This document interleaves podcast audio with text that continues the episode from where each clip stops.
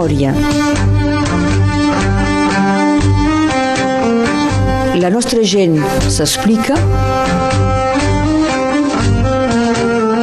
Berenguer Ballester. Soc al barri de les Coves de Perpinyà, un matí de febrer del 2022, per fer memòria amb Brissa La Fontena, el bomber que ha fet política i que durant uns anys ha estat, per molta gent, el polític eh, bomber. Brissa, bon dia. Bon dia. I gràcies d'acollir-me a casa teua i gràcies pel cafè. En ple. Perquè ets matiner, has de treballar d'aquí sí, poc, eh? Sí, sí, just després. Uh, has de treballar perquè ets, ara ets capità de, de bombers. Sí. Fas teletreball avui. Sí, perquè ara com a capità tinc un càrrec diferent sí. de, del que feia abans al parc de bombers i, i tinc molts dossiers i doncs puc treballar a casa, sí. D'acord. Bé, ara actualment la teva principal activitat és la de bomber. Sí. Vas començar a fer política després d'haver participat a, en una emissió de televisió amb el president Chirac, ho mm. explicaràs. Vas entrar a Unitat Catalana, vas ser president d'aquest partit durant 3 anys, has estat el junt al Vall de Perpinyà, Jean-Luc Pujol, delegat pels afers catalans, fins que vas eh, optar per la República en Marxa d'Emmanuel Macron i el Vall et va retirar la delegació. Ho explicaràs sí. també, eh? Mm. Aquest seria, doncs, el resum ràpid de la teva trajectòria política fins ara. Veiem, eh, Brissa, comencem parlant dels teus orígens familiars. Sé que ha costat pare, el pare de Corbera. Sí, la, la meva família del meu costat, del costat del pare és de, de Corbera. Els avis també? En, sí, encara sí. tinc la meva àvia sí. a Corbera, a les Cabanes. Sí. I, I, clar, és molt important per mi, per la família Corbera. El teu pare ha fet de gendarme? Sí, per això no, no vivia aquí, però va comprar una casa a Joc, al costat de, de Vinçà, i vivia a Pamiers, a Rieja. I costat mare, a la mare de Saint Etienne?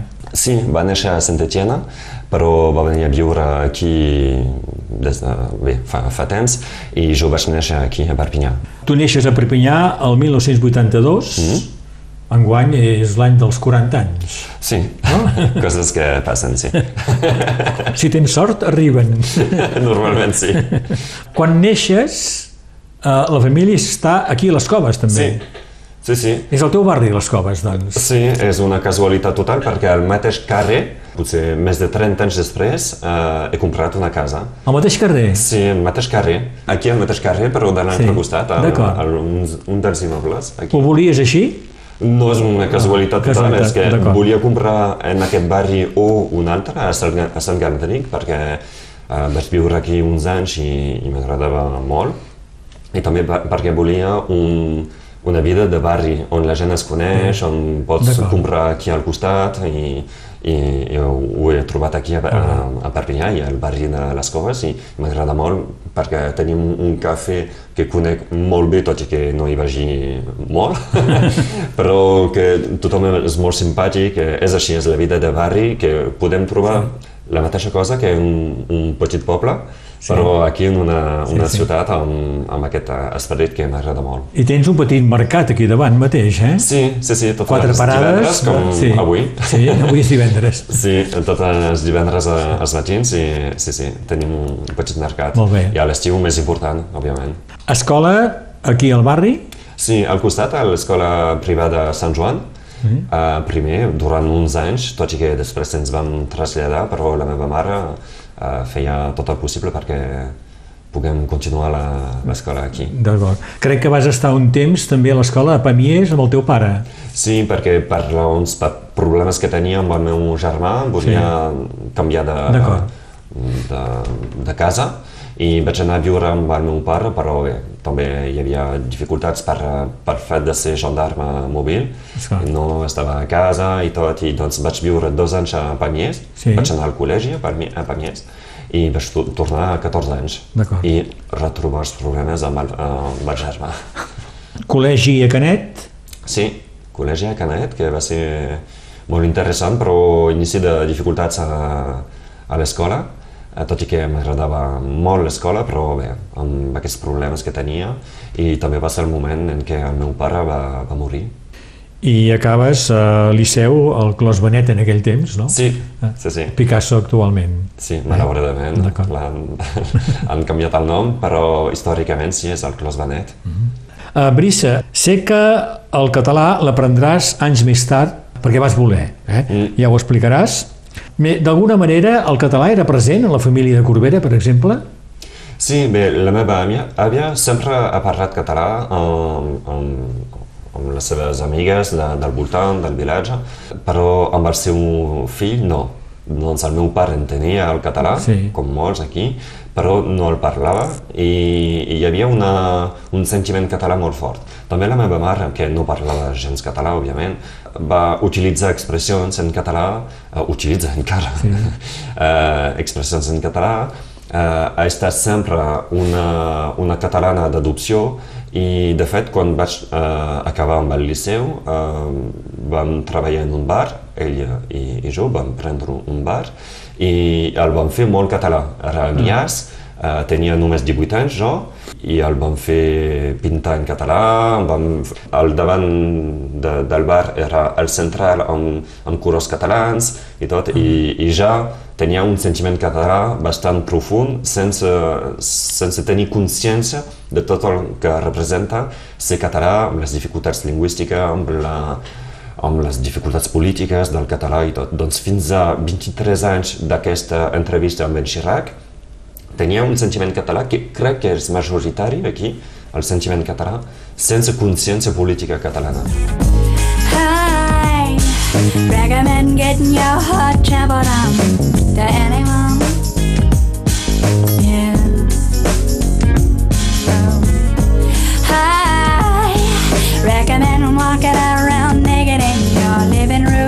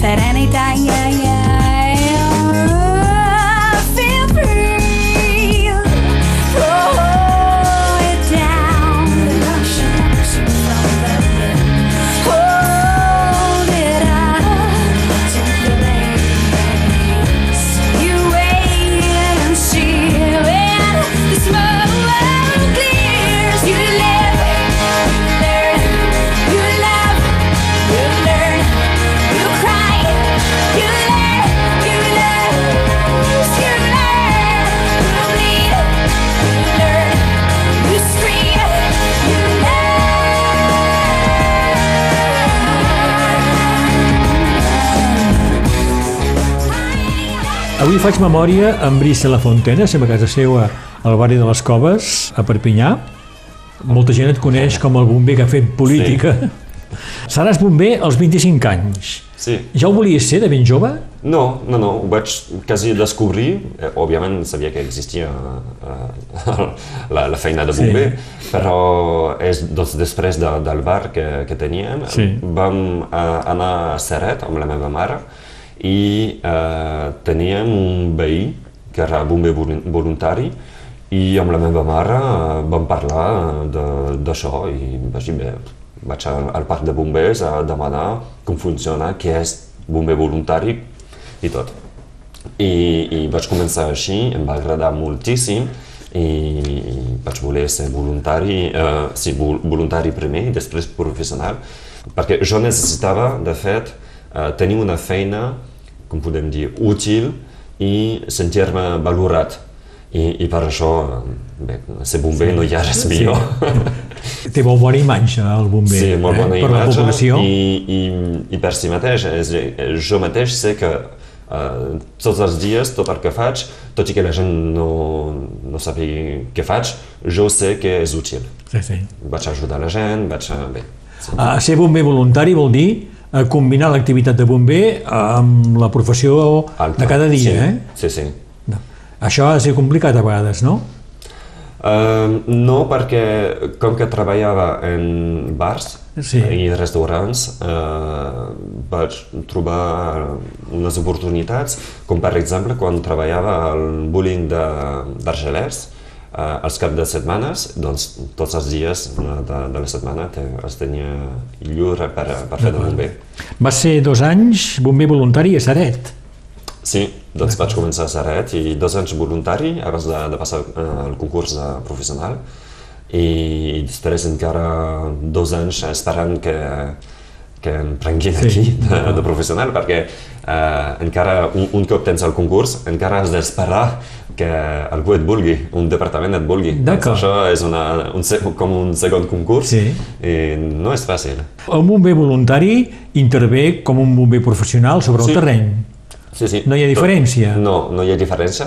És sobretot que a Perpinyà, per exemple, hi ha molts més professionals, a Serret no n'hi ha cap, i, i clar, a Perpinyà hi ha una, com dir, hi ha primer els professionals que prenen responsabilitats, després els voluntaris. Quan a Seret, doncs jo no, perquè era massa jove com a, com a voluntari, hi havia molt més uh, experienciats que, que jo, uh, però hi ha voluntaris a tot arreu que tenen responsabilitats i que fan les intervencions així, uh, al, temps, al temps lliure i hi ha possibilitats, a vegades també amb les, els ajuntaments si són funcionaris o amb, amb empreses quan estan d'acord, eh, deixen lliure els, els empleats per fer de voluntari quan hi ha una intervenció, marxen de la feina i, i van fer l'intervenció. I per això hem d'agrair molt als empresaris que deixen els empleats per això, perquè, clar, és un problema d'organització, no és fàcil, però ajuda molt a la societat. Un bomber voluntari cobra per la intervenció. Sí, hi ha una indemnitat que bé, és bastant interessant perquè no hi ha impostos, no hi ha càrrega ah. eh, sobre això, res, però tampoc pot ser eh, l'interès, no és sí. suficient per ser l'interès sí, sí. de, de ser voluntari. Primer ha de ser un interès, realment hem de voler ser bomber, primer, perquè si ho fem només per la, pels diners sí. no serà suficient. I actualment eh, hi ha molts joves que s'interessen per, per ser bombers voluntaris? No n'hi ha prou, no ha malauradament. N'hi ha, però no es queden és que comencen durant els estudis, per exemple, sí. però després se'n van per, per la feina o per continuar els estudis a un altre lloc i deixen de, de ser bomber. Sí. Doncs és molt complicat i també perquè hi ha els, uh, les empreses que no deixen tampoc ah. la gent fer de, de, de voluntari. Quan abans hi havia potser un agricultor que deixava algú anar a fer una intervenció, ara n'hi ha més, menys de, de feines locals realment sí. I, i clar, algú que viu a Prats que, però que treballa al Boló no pot fer una intervenció a Prats doncs sí, sí. tot això complica molt el sistema volun del voluntariat a, al territori. Doncs tu passes el concurs eh, per ser bomber professional, mm. és, és, eh, les proves són dures aquí? Sí, sí, sí, hi ha una selecció, és normal. Uh, però bé, jo vaig aconseguir el concurs el primer cop, doncs no puc dir tampoc que sí. era impossible, però clar, és una selecció, hi ha, hi ha un percentatge... Hi ha una selecció física, intel·lectual, mental, hi ha de tot? Hi ha tres proves, uh, primer uh, físic, després uh, escrit i al final oral. I el 2016 passa el concurs de capità. Sí, doncs durant aquests anys d'entrar eh, la meva entrada sí. eh, com a professional i, i el concurs de capità vaig continuar els estudis. Bé, primer vaig començar els estudis perquè com que volia aprendre el català vaig anar a la universitat a Perpinyà i vaig tenir realment eh, el fet de trobar-me amb gent eh, que hi ha a la facultat de, de català a Perpinyà. Vull dir tots. Tots estan compromesos amb el català, no obligatòriament políticament, eh? vull dir, no hi ha aquest endoctrinament que alguns diuen, eh?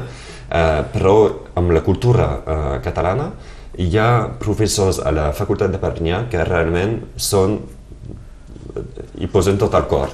Quins professors recordes? A la Bailac, sí. uh, també a... Uh, oh, oblidar el seu nom quan era... Hi havia el Peitaví? En Peitaví, gràcies. Sí.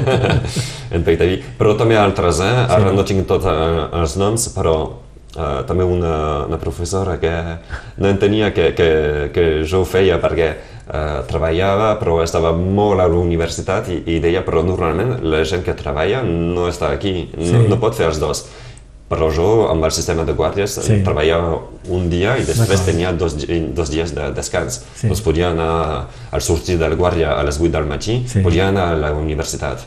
I, i doncs eh, entenia una cosa, és que jo realment volia tenia aquesta voluntat i ells també tenen la voluntat de transmetre en Ramon Sara. Ramon Sara, eh, l'historiador. Genial, com a historiador. Sí. I, I em van donar, a més de... perquè això era després del Chirac, eh, però tots aquests em van encara encoratjar, eh, no a nivell polític, eh, però a nivell de, de transmissió de, de la flama em van encoratjar en, en continuar en aquesta via.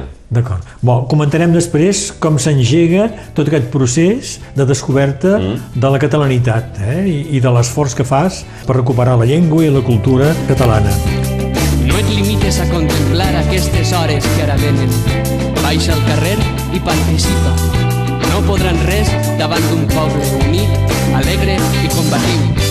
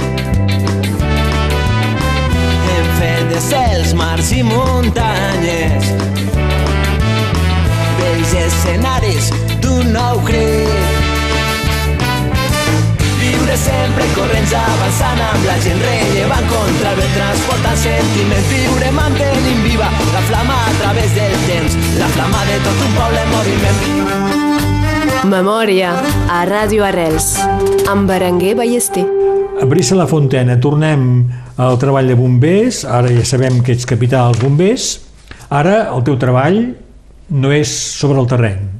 No, ja és sobretot en, uh, treballar els dossiers, uh, tinc totes, faig tot el que és conflicte respecte al, doncs, al servei departamental d'incendis, Uh, I doncs quan algú no està content, escriu al director i sóc jo que faig uh, les recerques, respostes i tot. I quan hi ha denúncies uh, perquè els bombers uh, es fan uh, insultar i tot, bé, jo faig tot el seguiment com a jurista, perquè ara, després dels estudis de català, sí. he Vas estudiat el dret, dret sí. i, i doncs ara com a jurista treballo amb tot això. Es fan insultar els bombers? Malauradament sí, molt. Abans no passava això, no? Em sembla que no, o molt poc, mm. molt poc, però ara es fan insultar, uh, sí, i, i potser a vegades uh, pitjor, sí, sí. I com tu ho expliques, això? Per què? Bé, Perquè és un servei públic. molts canvis a nivell de percepció del, dels bombers i a nivell de, de funcionament de la societat. Vull dir que ara crec que tots estem d'acord sobre el fet que la república no funciona igualment a tots els territoris i hi ha uns territoris, uns barris que són més difícils que altres uh, per múltiples raons. Alguns diran que no és culpa dels que hi viuen, alguns diran que és culpa dels orígens, alguns... Jo no vull entrar en tot això. El, el fet és que els barris són, aquests són molt difícils i clar, quan anem allà sabem que si deixem l'ambulància oberta ens robaran coses Clar, és, és complicat, sí. eh, malauradament és un, un canvi de, de la societat.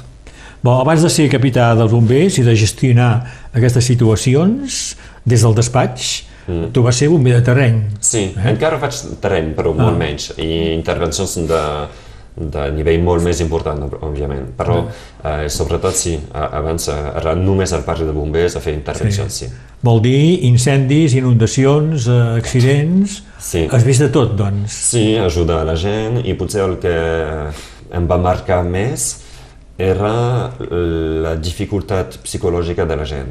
Uh, a l'inici no, perquè quan comencem podem riure, passar sobre les coses i, i tot passa.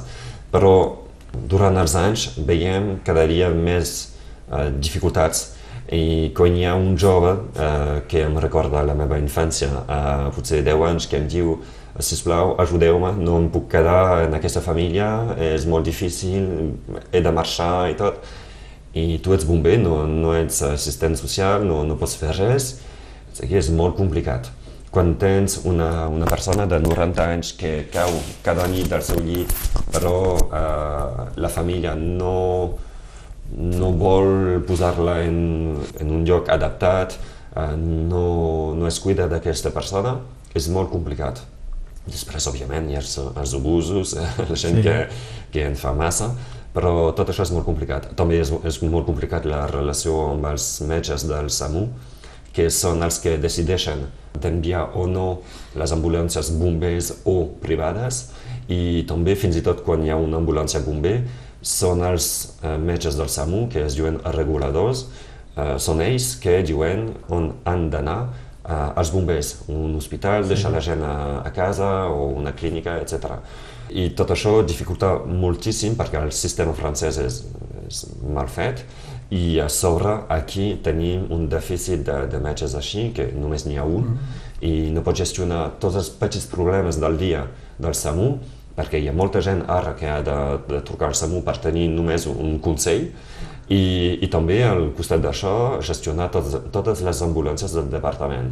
Doncs hi ha a la vegada un disfuncionament francès institu institucional i també eh, un disfuncionament dels metges que no volen delegar per exemple, els bombers que saben que per aquest tipus de persona eh, l'hem de deixar a casa o l'hem de transportar a, aquesta, a aquest sí. hospital no volen deixar aquesta decisió i doncs tot això fa que no funciona bé i, i per això, per exemple, fa poc encara els hem ajudat a, a l'hospital. Poses més l'accent en les intervencions socials que no pas en les intervencions clàssiques que té al cap la gent, com els incendis, els accidents, les inundacions... Bé, tot això no hi podem fer res, o, o quasi. I clar, eh, he fet focs, inundacions, he fet diverses coses, però ho trobo més normal.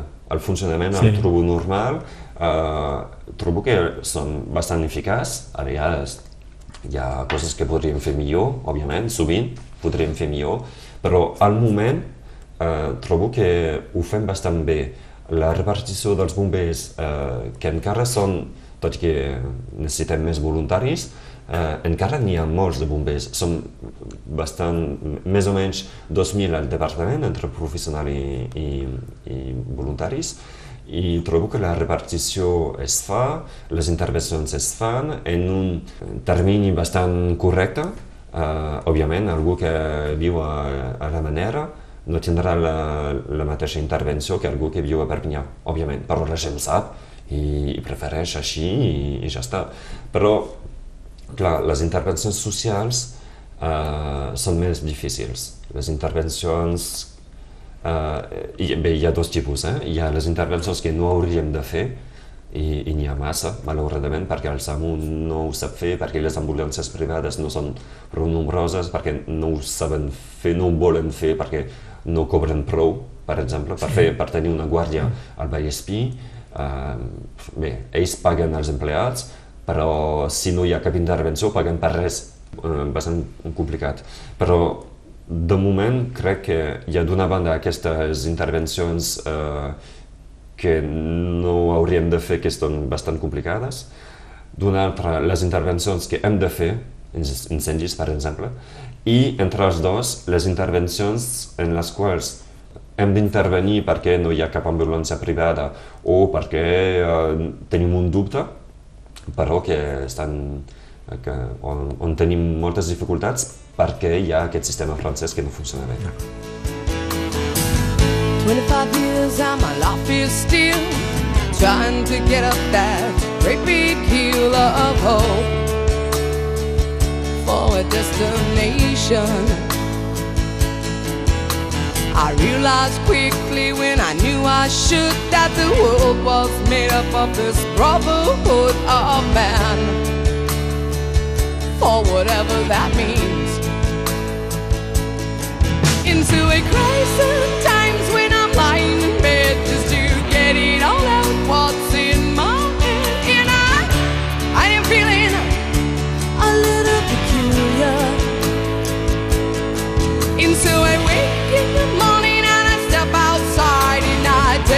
Keep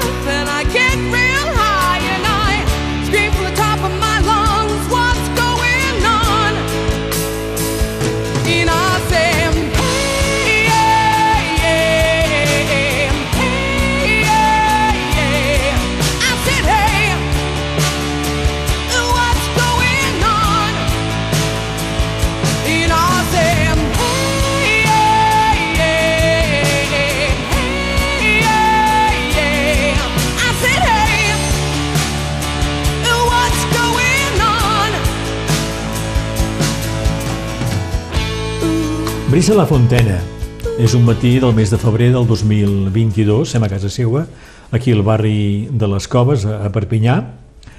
Eh, dos anys abans d'entrar a les DIS, al Servei Departamental d'Incendi de Socors, eh, sem el 2005, tens 23 anys sí. i participes a una missió a la televisió francesa des de l'Elisi amb el president Chirac. Sí, en plena campanya sí per la ratificació de la Constitució Europea. Sí.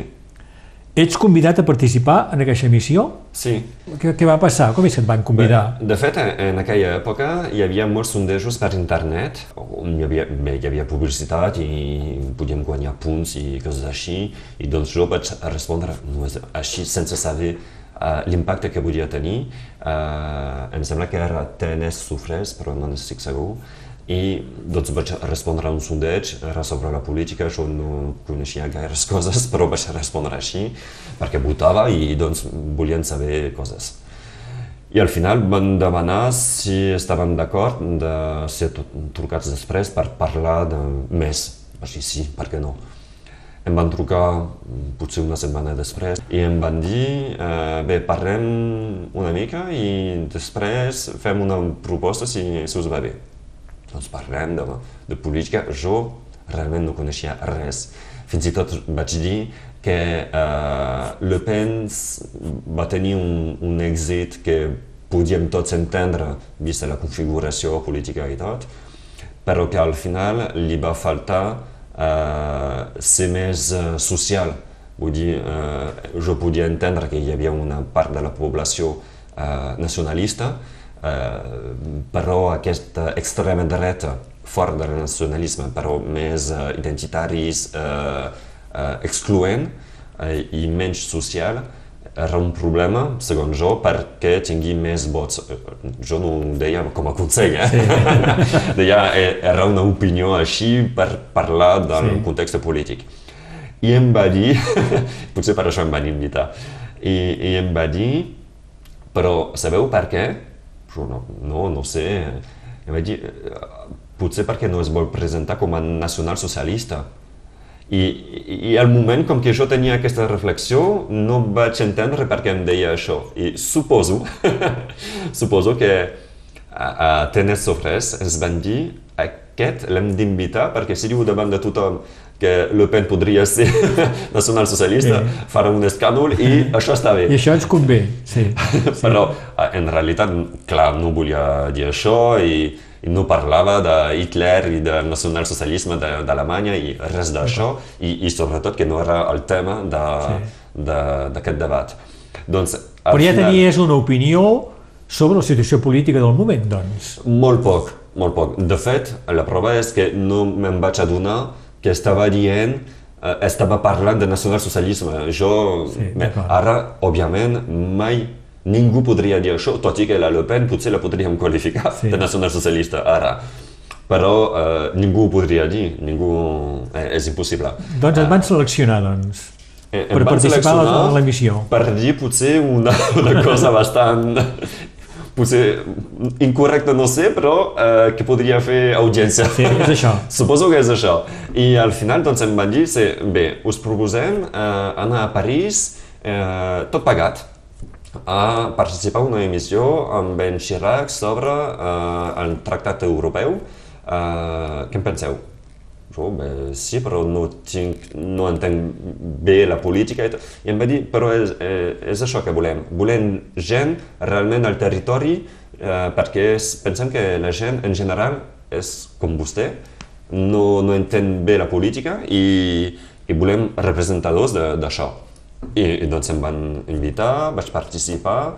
Bé, primer vam preparar l'emissió i eh, doncs jo, òbviament, no volia parlar de nacionalsocialisme, volia parlar del territori i del fet, doncs ja eh, amb aquesta consciència catalana, vaig voler demanar per què eh, no hi havia més reconeixement del català, de la llengua catalana, del territori català, Pirineus Oriental no vol dir res i la Melin Maria acaba per entendre-ho després de molts anys de, de dirigir el departament.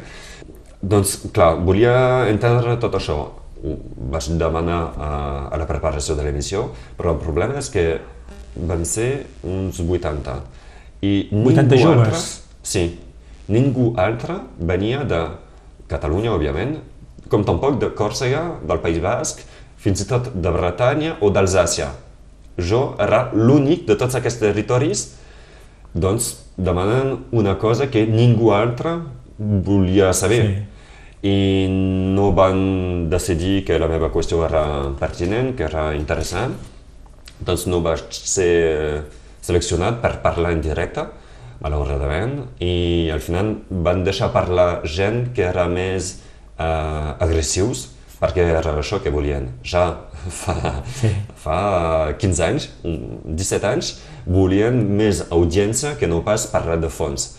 I, i doncs l'emissió passa i al final de l'emissió vaig anar a veure el president, tots estaven així fent fotos i autògrafs i tot, jo no en volia, em, va, va avançar uh, la mà per, uh, cap a mi per, perquè li, li donés un, un boli i jo li vaig dir, però no, jo no vull res, vull una resposta.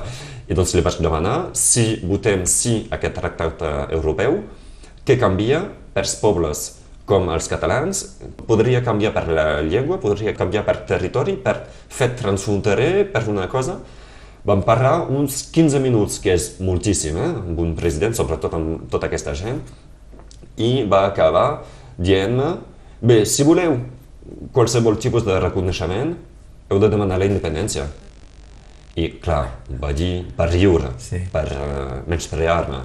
I doncs jo, perquè ja a 23 anys tampoc volia deixar algú que parlés així sense, sense continuar, sense res més, I vaig dir, doncs si és tan fàcil, senyor president, us demano la independència de Catalunya. I clar, uh, després vaig insistir dient, però jo vull realment resposta, uh, respostes sobre tot això, i em vaig dir, bé, ens podrem tornar a veure? Vaig insistir, però si ens podem tornar a veure, és a dir, que puc, puc trucar l'Elisi i demanar cita i, i la tindrem? Uh, I em va dir, sí, sí, sí, sí, tindrem cita i cap problema. Doncs vaig tornar aquí.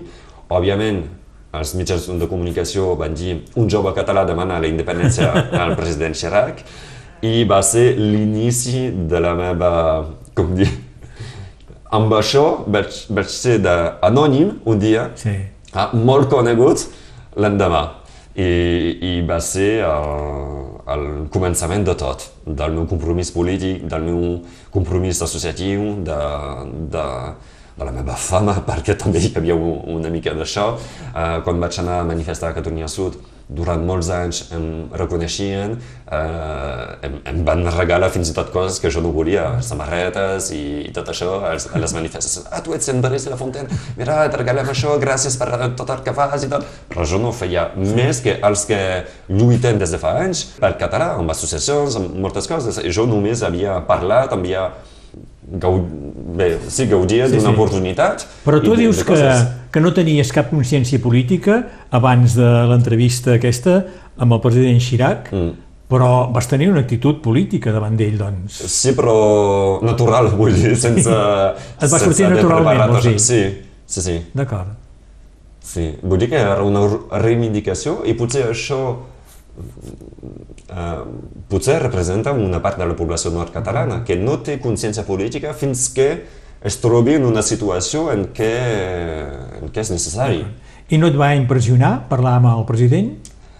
No sé per què, però potser hi ha una part de la meva educació, infància, no sé què, que, que fa que no tinc... Eh, tinc tot el respecte que cal, però no tinc eh, aquesta impressió davant d'algú molt important. Mm -hmm. No, no potser ho tindria davant d'algú que ha dedicat la seva vida eh, lluitant i, i fent tot el possible i potser anant a la presó, eh, lluitant físicament i tot, però algú que té un càrrec important eh, i tot això, no, sóc bastant iconoclasta. Finalment vas tenir l'entrevista però no pas amb el Xirac. Després, quan vas després, demanar la cita? És això. Doncs després torno a Perpinyà, eh, creu eh, aquesta associació Força Catalana per, per no ser només un jove anònim, eh, per començar a tenir un, una entitat i vaig, uh, vaig anar a veure tots els que ja lluiten, tots els que compten a nivell polític també, no coneixia ningú i tots em van rebre. El primer va ser en Daniel Mac, diputat de la primera circunscripció, i em va dir, et necessito. No, com és que un diputat em necessita? I em va dir, vull que eh, en la teva presentació hi hagi un suport del president Chirac a la meva proposta de reconeixement de les llengües eh, regionals doncs, doncs ho, vaig, ho vaig posar al meu, al meu dossier, com també un suport molt important a les escoles uh, immersives, uh, que van ser Arrels i uh, la Bressola. També un reconeixement històric, perquè als llibres de l'educació nacional no hi ha res sobre catalans, corsos, etc. També un reconeixement territorial amb el nom del departament, doncs coses així, un petit dossier, no era tampoc una tesi, eh? per un petit dossier. Vaig tenir cita, em sembla, sis mesos uh, després, uh, amb un dels seus consellers, a l'Elisi, i vaig presentar-ho, però va ser molt ràpid perquè després, uh, bé, ja aquesta consellera no entenia. No entenia perquè em va dir, però els matemàtics ho feu en català? Li vaig dir, bé, sabeu que no són els francesos que han inventat els matemàtics, doncs per què no? Uh, sabeu que podem parlar en català un gos? Sabeu que podem fer moltes coses en català, podem fer tot en català. Uh, no, hi ha, no hi ha una llengua per unes coses o una llengua francesa per tot, per exemple, i el català només per parlar amb els avis. Això no, no existeix. I, doncs, quan ja comencem així, sabem que no anirà molt lluny. doncs clar, després, poc després, vaig tenir una primera resposta uh, negativa Després, res, doncs vaig uh, insistir i per tenir totes les respostes negatives. Doncs uh, vas tenir l'entrevista aquesta a, mm. a París sí. amb la consellera de Chirac sí. i després d'això no va sortir res. Exacte. D'acord. Malauradament. va sortir que Brice Lafontaine es compromès en la política. plorant perquè té foc al voltant. El poble està dormint, les guspires van entrant. Foc, foc, contra foc, contra foc. De mangueres ja n'hi han, però les haurem d'estirar. La foguera hem de pagar per la terra conservar. Foc,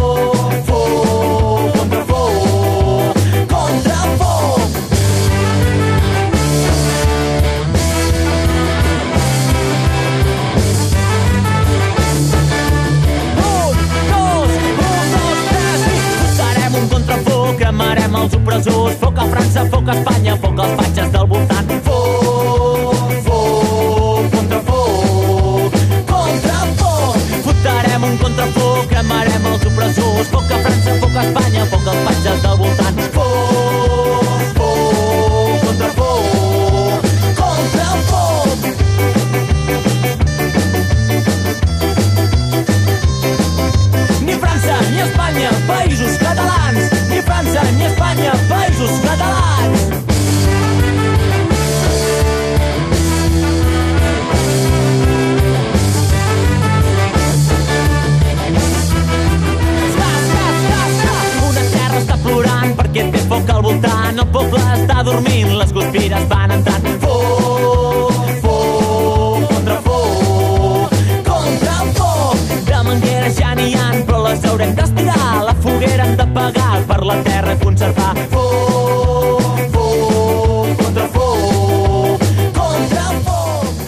Fontena, després d'aquesta història amb el president Chirac, vas participar en aquesta emissió a la televisió francesa l'any 2005, mm.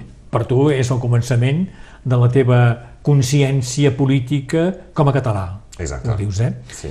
I entres, després de tot això, a Unitat Catalana. Sí, volies parlar de ser professional, Sí. perquè no hi hagi cap problema. El bomber professional. bomber, sí. I doncs eh, començo bomber professional el 2007 i de seguit pocs I el mesos 2008 després, entres a Unitat. Sí, perquè Unitat Catalana sempre em va acompanyar sense demanar-me de- d'adherir.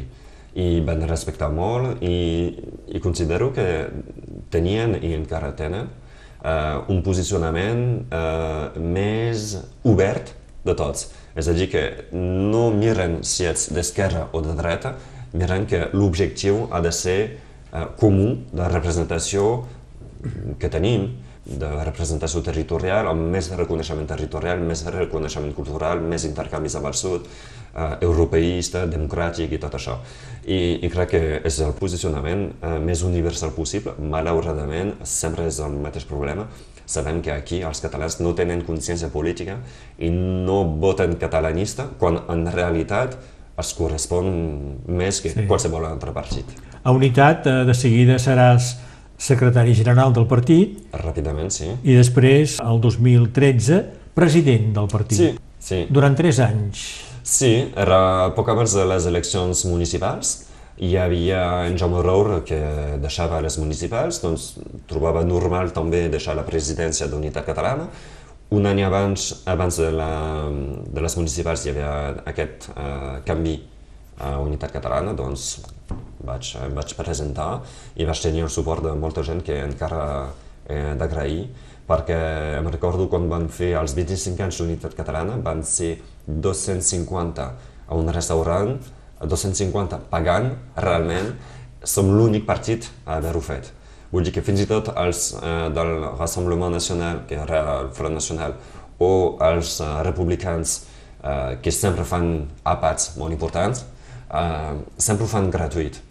Però nosaltres eh, vam tenir 250 persones que van pagar per venir per donar suport a la Unitat Catalana. I això crec que és un gran èxit veure que com la gent es pot comprometre per donar suport a una causa que és transversal, que, que ens representa a tots. I el 2014, el 2014 eh, ets elegit al Consell Municipal de Perpinyà Sí. i seràs adjunt pels afers catalans. Sí, ja hi havia una reflexió quan en Jaume Ror deixava el seu càrrec, doncs, el 2014, el saber si havíem de continuar amb en Jean-Marc Pujol, perquè ja començàvem a veure que eh, no estava tan obert cap al sud, cap al català i tot, que, que podia ser en Joan Pau Aljuí. Però bé, amb, el, amb les possibilitats que hi havia, amb, amb el context de, de l'època i tot, vam decidir, i amb, també, òbviament, amb el compromís que, que va signar en Joan Pujol, amb Unitat Catalana, eh, vam considerar que era la millor oportunitat. I doncs sí, vaig ser tinent d'alcalde, bastant jove, d'una un, gran ciutat eh, el 2014. Hi ha un moment, en Brissa la Fontena, que hi ha un canvi dins del Consell Municipal perquè tu el 2016 deixes Unitat Catalana, has estat president del partit i entres en marxa el moviment creat per Macron. Bé, de fet, no deixo uh, de seguir Unitat Catalana. Primer uh, faig un pas de costat de la presidència, però tot i sent membre d'Unitat Catalana, i per, uh, per comprometre'm amb, amb en Macron. Perquè en Macron uh, hem de recordar que a l'època volia un nou pacte girondí, va fer un discurs a Còrsega sobre les llengües uh, minoritàries uh, a França, europeista i centrista, que jo sempre he estat eh, del centre, eh, doncs jo pensava que realment em representava. I, clar, amb un càrrec important a Unitat Catalana, de president, no podia ser tampoc una figura important a, a En Marxa. Però fins i tot com a membre d'Unitat Catalana, i elegit d'Unitat Catalana, important, potser el primer polític catalanista del departament, Unitat Catalana considerava també que hi, un, que hi havia un conflicte de percepció per la gent entre el meu posicionament, perquè també era el primer polític a En Marxa, polític conegut a En Marxa, i el primer polític a nivell d'importància a Unitat Catalana. Doncs era bastant complicat i al final vam decidir que jo havia de deixar Unitat Catalana eh, perquè tenia massa importància sí. a En Marxa. Però no era una decisió fàcil perquè no hi havia cap conflicte amb Unitat Catalana, era només un problema de percepció de la gent. Perquè la gent no, no pugui pensar que eh, Unitat Catalana esdevenia una part de En Marxa. Sí. Unitat Catalana havia de quedar independent totalment de En Marxa i per això eh, he deixat la Unitat Catalana. No hi havia cap, cap problema i per això, de, eh, de fet, ara he. Ara hi has tornat, eh? D'acord. Sí. I el conflicte amb el Batlle, Jean-Marc Pujol, és quan Pujol eh, sosté Fillon sí. i tu, evidentment, sostens Macron. Sí, Aquest és el fet, conflicte? Teníem aquesta, aquesta llista municipal eh, diversa, perquè hi havia gent de dreta, gent del centre, gent com jo, catalanista, i, eh, i gent sense etiqueta. Doncs totalment independents els uns dels altres, però amb el meu suport al Macron, en Joan eh, Pujol em va demanar, eh, al cap d'uns mesos, de dimitir del meu càrrec de tinent d'alcalde, o em, em fotria fora, I, i va acabar així. Va retirar la delegació, doncs? Sí, sí, sí. sí. Tot i que hi havia molta gent que començava a dir, sobretot al final, quan en Fion tenia els problemes, eh, que jo no podia donar suport al Fion. Era impossible, perquè fins i tot ells mateixos eh, acabarien per desolidaritzar-se d'en de, Fion. Doncs sí. no era lògic demanar-me això, però hi havia una mena de joc de poders entre l'alcalde, que òbviament guanya sempre, i jo. El meu objectiu no era donar suport al Macron fins al final, el meu objectiu era tenir la meva llibertat i això és molt important per mi perquè eh, no era molt macronista, però sí que tenia aquesta, aquest objectiu de guardar la meva independència respecte a la dreta amb qui podia governar a Berlín, però amb qui no compartia els objectius nacionals francesos. Mm. Macron també t'ha decebut, finalment.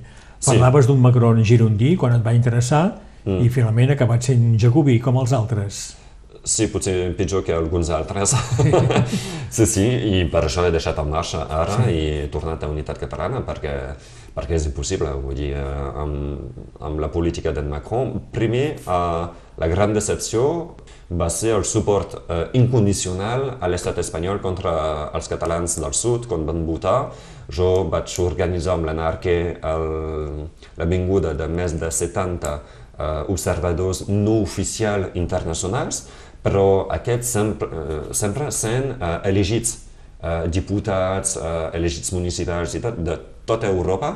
I, i vam organitzar això, vam passar d'un vot a un altre a Barcelona, l'anarquia i jo, però els altres a molts altres llocs de Catalunya Sud, i, i doncs per nosaltres viure això, els militars que arribaven eh, veien tot el que passava eh, i, fins i tot eh, la gent que, que estava lluitant físicament i per això aquests sí que tenen el, el meu respecte i, i la meva consideració i puc ser impressionat amb aquesta gent, eh, lluitant físicament només per eh, protegir urnes. I veus el president Macron que surt a la televisió, crec que va ser el primer cap d'estat a fer-ho, dient Espanya té tot el meu suport i els catalans no han de, de poder votar. Quan, quan veus uh, l'acció militar contra el poble pacífic, això per mi eh, és impossible. Doncs va ser el primer, la primera decepció que va ser d'un alt nivell. Sí. I després, òbviament, el seu, el seu comportament respecte a les llengües regionals, respecte als territoris i el seu centralisme eh, molt important. Doncs, a Brisa La Fontena vas participar eh, molt activament i molt properament al referèndum del 1 d'octubre del 2017. Sí, sí, sí. Doncs veus que just Vas organitzar... poc després de, de, la, sí. de les eleccions presidencials em va decebre. D'acord. Sí. Per altra banda, encara a les municipals del 2020 vas a la llista de Romain Grau. Sí, perquè una vegada més hi havia diferents possibilitats. En uh, Romain Grau el coneixia, òbviament, de, de, de feia temps, perquè van ser elegits a, a Perpinyà, doncs ja el coneixia abans del 2014, el vaig conèixer en Carmió quan van ser elegits junts el 2014 amb la llista d'en Joan Marc Pujol. I, eh, i després a En Marche perquè va anar a En Marche per ser diputat. I, i clar, era bastant lògic treballar junts perquè sempre ha tingut una consciència catalana. Tot i que també m'ha decebut per ser potser eh, més una consciència electoralista a vegades que, que no pas política i, i clar, potser és algú que crec amb qui podem compartir molt, però a nivell estratègic no tant. Recordar que tu vas posar un recurs en anul·lació per possibles maniobres fraudulents de l'antic batlle Jean-Marc Pujol, mm. que no va ser acceptat. Exacte, exacte, perquè volia fer anul·lar l'elecció doncs, de Louis Alliot, dient que si realment hi havia maniobres fraudulents de, de Jean-Marc Pujol, tot hauria canviat. No, potser en Rama Pujol no, no, no podia presentar-se i doncs hauria canviat la segona volta i potser en l'Allò no hauria estat elegit, però el problema és que la diferència de vots era tan important sí. Que els jutges han considerat que no hi havia... que fins i tot era possible, però no, no, no era una raó suficient. Hi, recommend getting your heart trampled on to anyone. Yeah. Hi, recommend walking around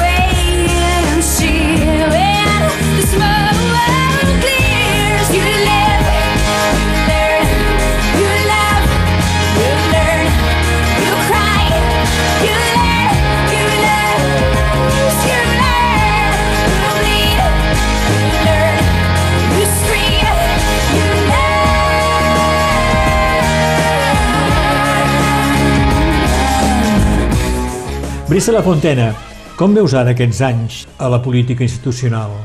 Tu l'has conegut Sí. directament. Bé, um, Ara te n'has sortit d'aquesta política. he fet un pas de costat. No, no sé què faré els propers anys, però de moment sí, més, soc més observador. Per això he tornat a Unitat Catalana, però més, eh, només de, de, com a membre Sí. i, i espero a veure si algú em necessita, si em sol·liciten i, i com i, i per què, etc. I el context, òbviament. Però ara temo que el poble català, nord-català, no es mobilitzi prou. Vull dir que vam conèixer, jo vaig conèixer, eh, i tinc aquesta... eh, És un plaer haver conegut gent que realment es comprometia de jove pel territori, pel català, que manifestava realment que podia pintar els rètols, que podia eh, lluitar de debò. Ara crec que hi ha un... que la gent ha abandonat una mica. Uh, doncs quan veiem d'una part que hi ha uh, una falta de consciència política de la gent en general i després que no hi ha aquesta part militant activista realment, uh, bé, veiem que potser hi ha algo que s'està perdent.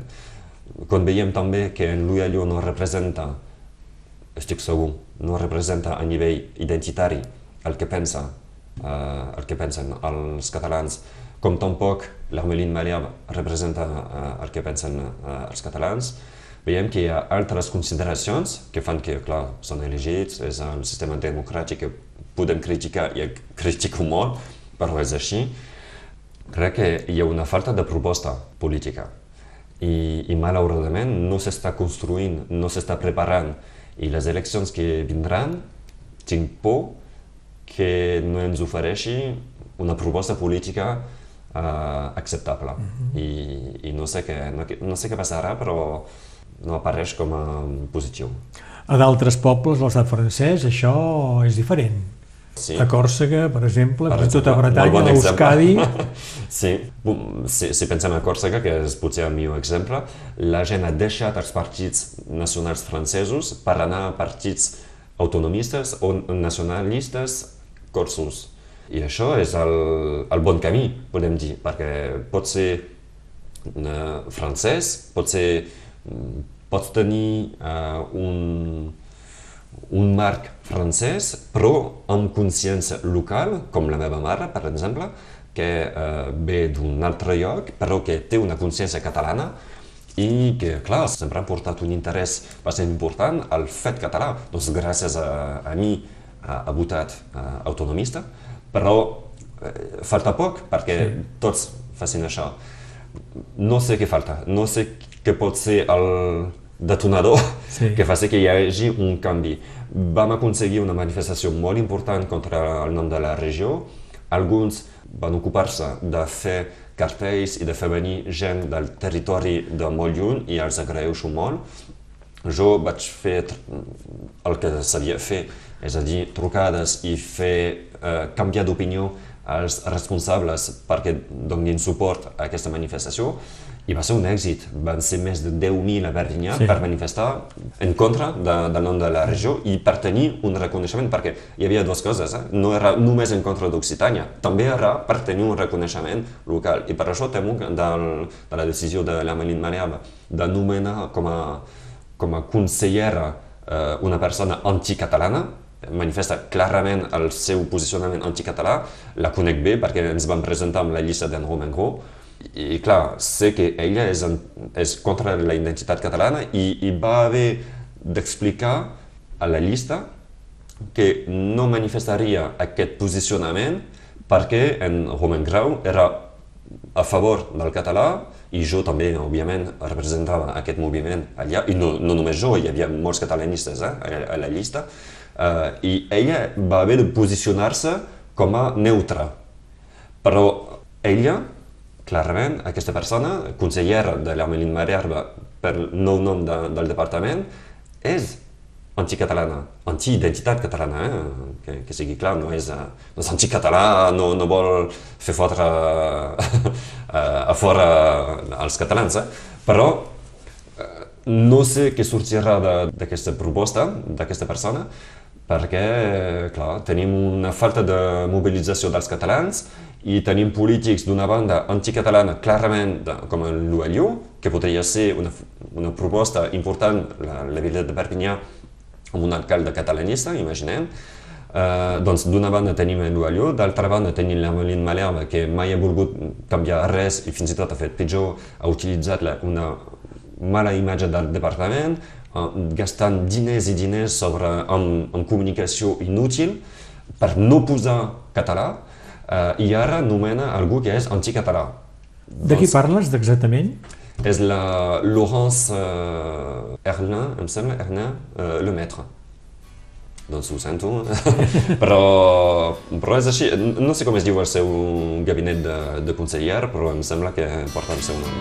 Don't you know talking about a revolution sounds like a whisper. Don't you know they're talking about a revolution It sounds like a whisper. While they're standing in the welfare lines, crying at the doorsteps of those armies of salvation, wasting time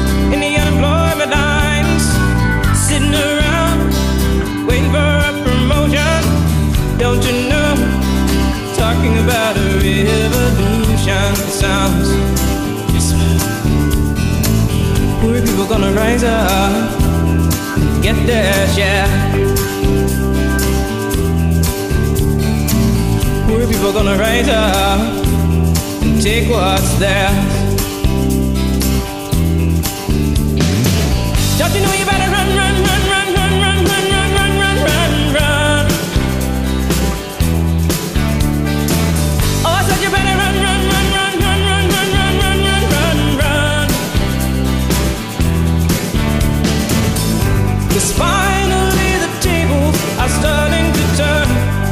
Talking about a revolution.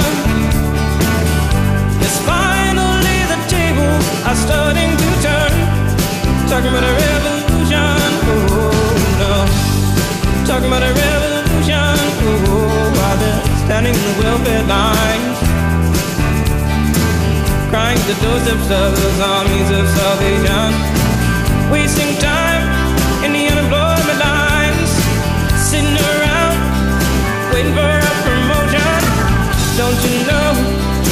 Talking about a revolution sounds. Memòria a Ràdio Arrels amb Berenguer Ballester. Bé, arribem ja a la fi d'aquesta memòria amb Brissa La Fontena. Estem a casa seva aquí a la barri de les Coves, a Perpinyà, un matí del mes de febrer del 2022, de bon matí, perquè has de treballar encara com a capità de bombers. T'he demanat músiques. M'has dit, per començar, Alanis Morissette. Sí, perquè, um, òbviament, tota la nostra vida eh, comença amb la infància i eh, té un, la infància té un ressò després amb tota la nostra vida. I com que vaig tenir una infància molt difícil, eh, una cançó em va ajudar molt, era eh, aquesta, Julian, perquè diu que cada cosa que arriba a la teva vida et fa aprendre, en general. I, I pot ser difícil, pot ser, pot ser fàcil també, pot, pots riure com plorar, però aprens.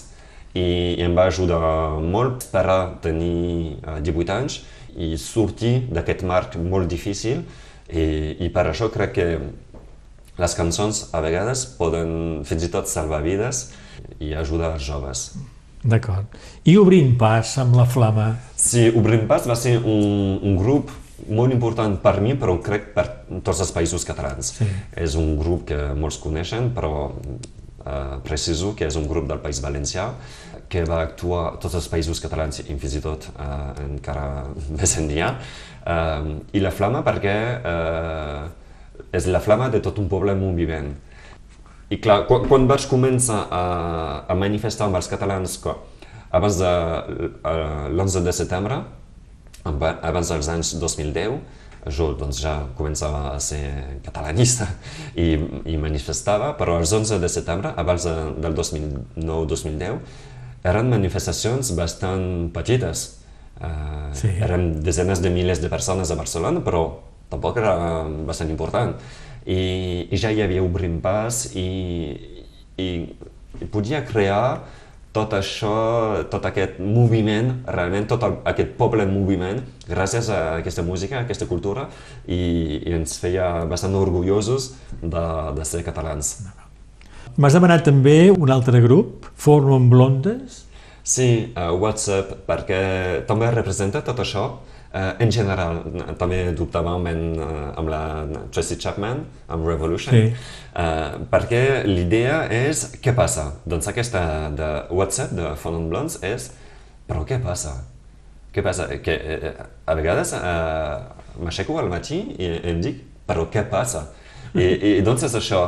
Uh, uh, òbviament, cadascú el prendrà com vulgui, eh? Uh, per alguns serà què passa en la meva vida, què passa amb la meva parella, què passa... però jo el, interpreto, l'utilitzo, el imagino uh, com què passa en la vida de tots, què passa en la societat. Què passa? Doncs WhatsApp, uh, què passa? Què volem? Què hem de fer? I, i potser la podríem tornar a posar ara, en uh, aquest enguany, el 2022. Què passa? Uh, què volem? Quedem així? Continuem així? Sense fer res? O ens tornem a mobilitzar? Tornem a la política, per mi? Uh, tornem a muntar associacions realment que actuen al carrer, que mobilitzen la gent, que o, o al final abandonem o quedem així, doncs a veure què passa. Doncs eh, et trobes, o ens trobem tots, en un moment d'incertesa, finalment. Sí, sí, sí, potser sí, amb dubtes, amb qüestions, amb què faré, què farem, sí. Per la música m'has demanat també decrèpits. Sí, perquè eh, tinc una relació... Vaig tenir una relació d'amistat amb ells, perquè quan vaig començar amb l'associació Força Catalana eh, a Serret, eh, vaig tenir un, un bar al, a la fèria de, de Serret eh, i vaig fer un, un stand catalanista. Vaig tenir, com que era la primera, el primer any uh, d'aquesta associació en la fèria, vaig tenir el pitjor lloc de tota la fèria. I vam tenir poca gent, però vam tenir aquest orgull de fer cartells catalanistes en contra de la matança del, dels, blau, dels braus, vam posar els cartells, eh, la festa sí, però la matança dels braus no, doncs ja en contra de la corrida al sí de la fèria, eh, cartells només en català, perquè tot i no parlar bé en català, el català, a l'època ja tenia consciència que hi ha molts, moltes paraules que s'entenen. I doncs vam triar les paraules que calia per fer tot en català. El grup decrèpit va acceptar eh, venir cobrant poc, però eh, participar realment a una festa catalanista eh, en un lloc on tothom era català però sense cap consciència.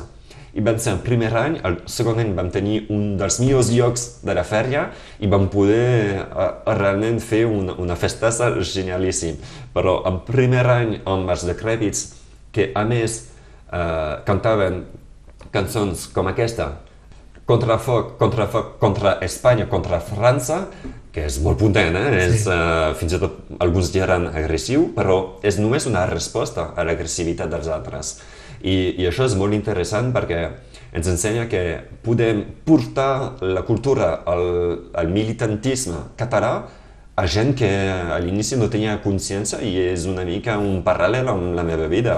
És, és això, és tenia una consciència, però al final hi havia un, un declic, una petita cosa, una espurna, que feia que vaig passar al catalanisme. Molt bé.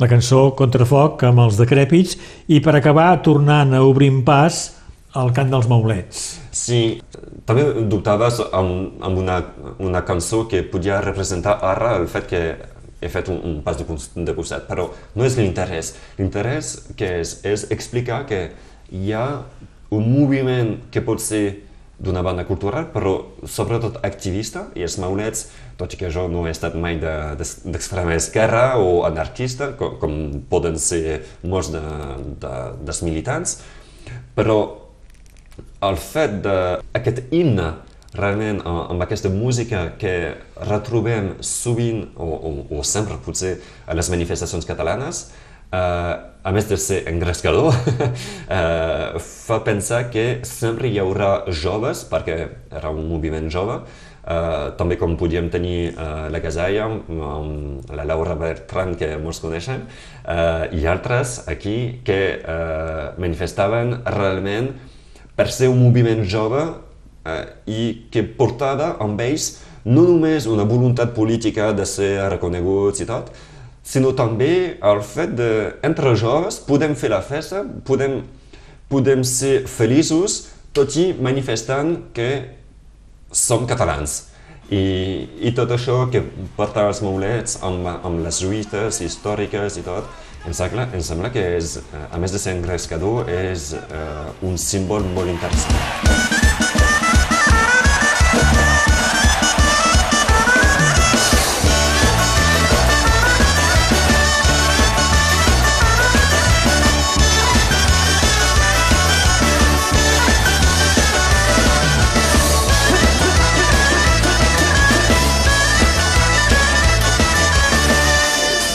Tots de cansa que la festa avui amb dolços de nata i cogues de brut movimento fustes i emblanquir el murs perquè Carles Dautrià al xurat de curs.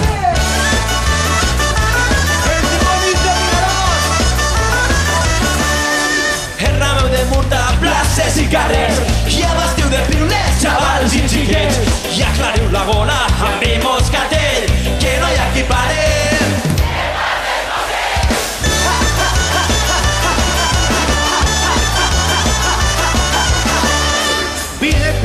pilareta que pegue un saxó els peixos en l'aigua i els salmos al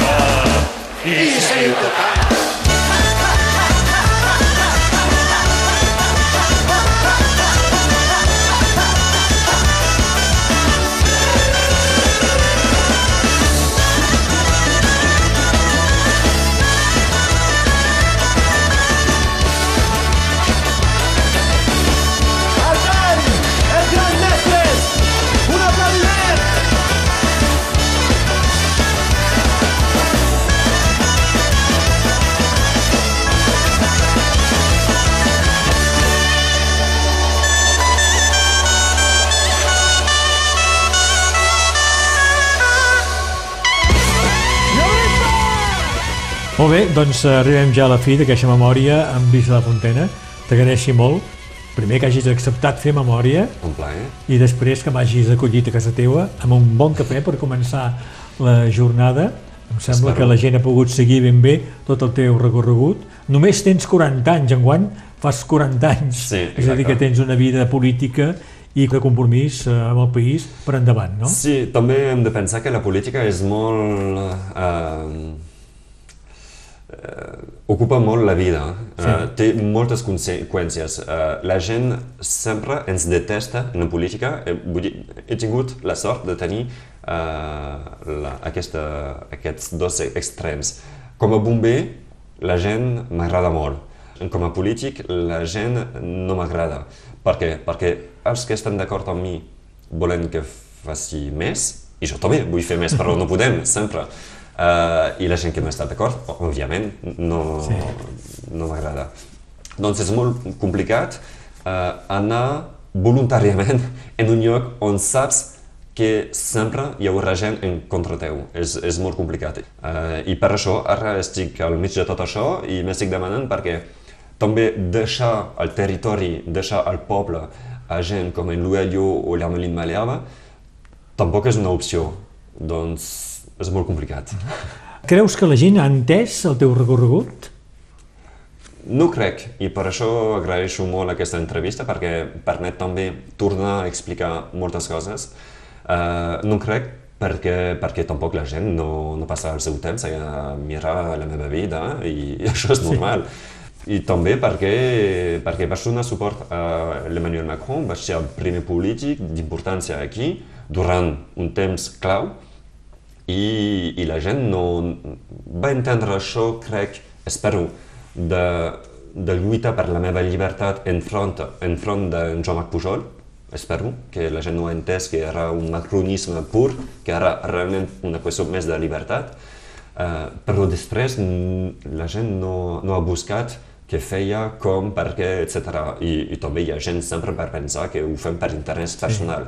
Òbviament, l'in- el meu interès personal era quedar-me a la, a la majoria municipal, eh, cobrar diners com a tinent d'alcalde, tot que era el, el tinent d'alcalde amb menys sou de tots, uh, però uh, el meu interès era això. Jo vaig, vaig triar la llibertat uh, i, i no pas el meu interès personal. Però per, per públic, per la gent que no segueix, i és normal, la vida, les decisions exactes de tothom, no crec que sigui fàcil entendre uh, els posicionaments, com podia ser el meu posicionament amb en Macron, i després deixar en Macron, perquè anar uh, amb en Macron i de, després deixar, ho he explicat uh, avui sí. i us agraeixo molt l'oportunitat. Brisa La Fontena, gràcies i bon dia. Gràcies a tu. Memòria. La nostra gent s'explica. Berenguer Ballester.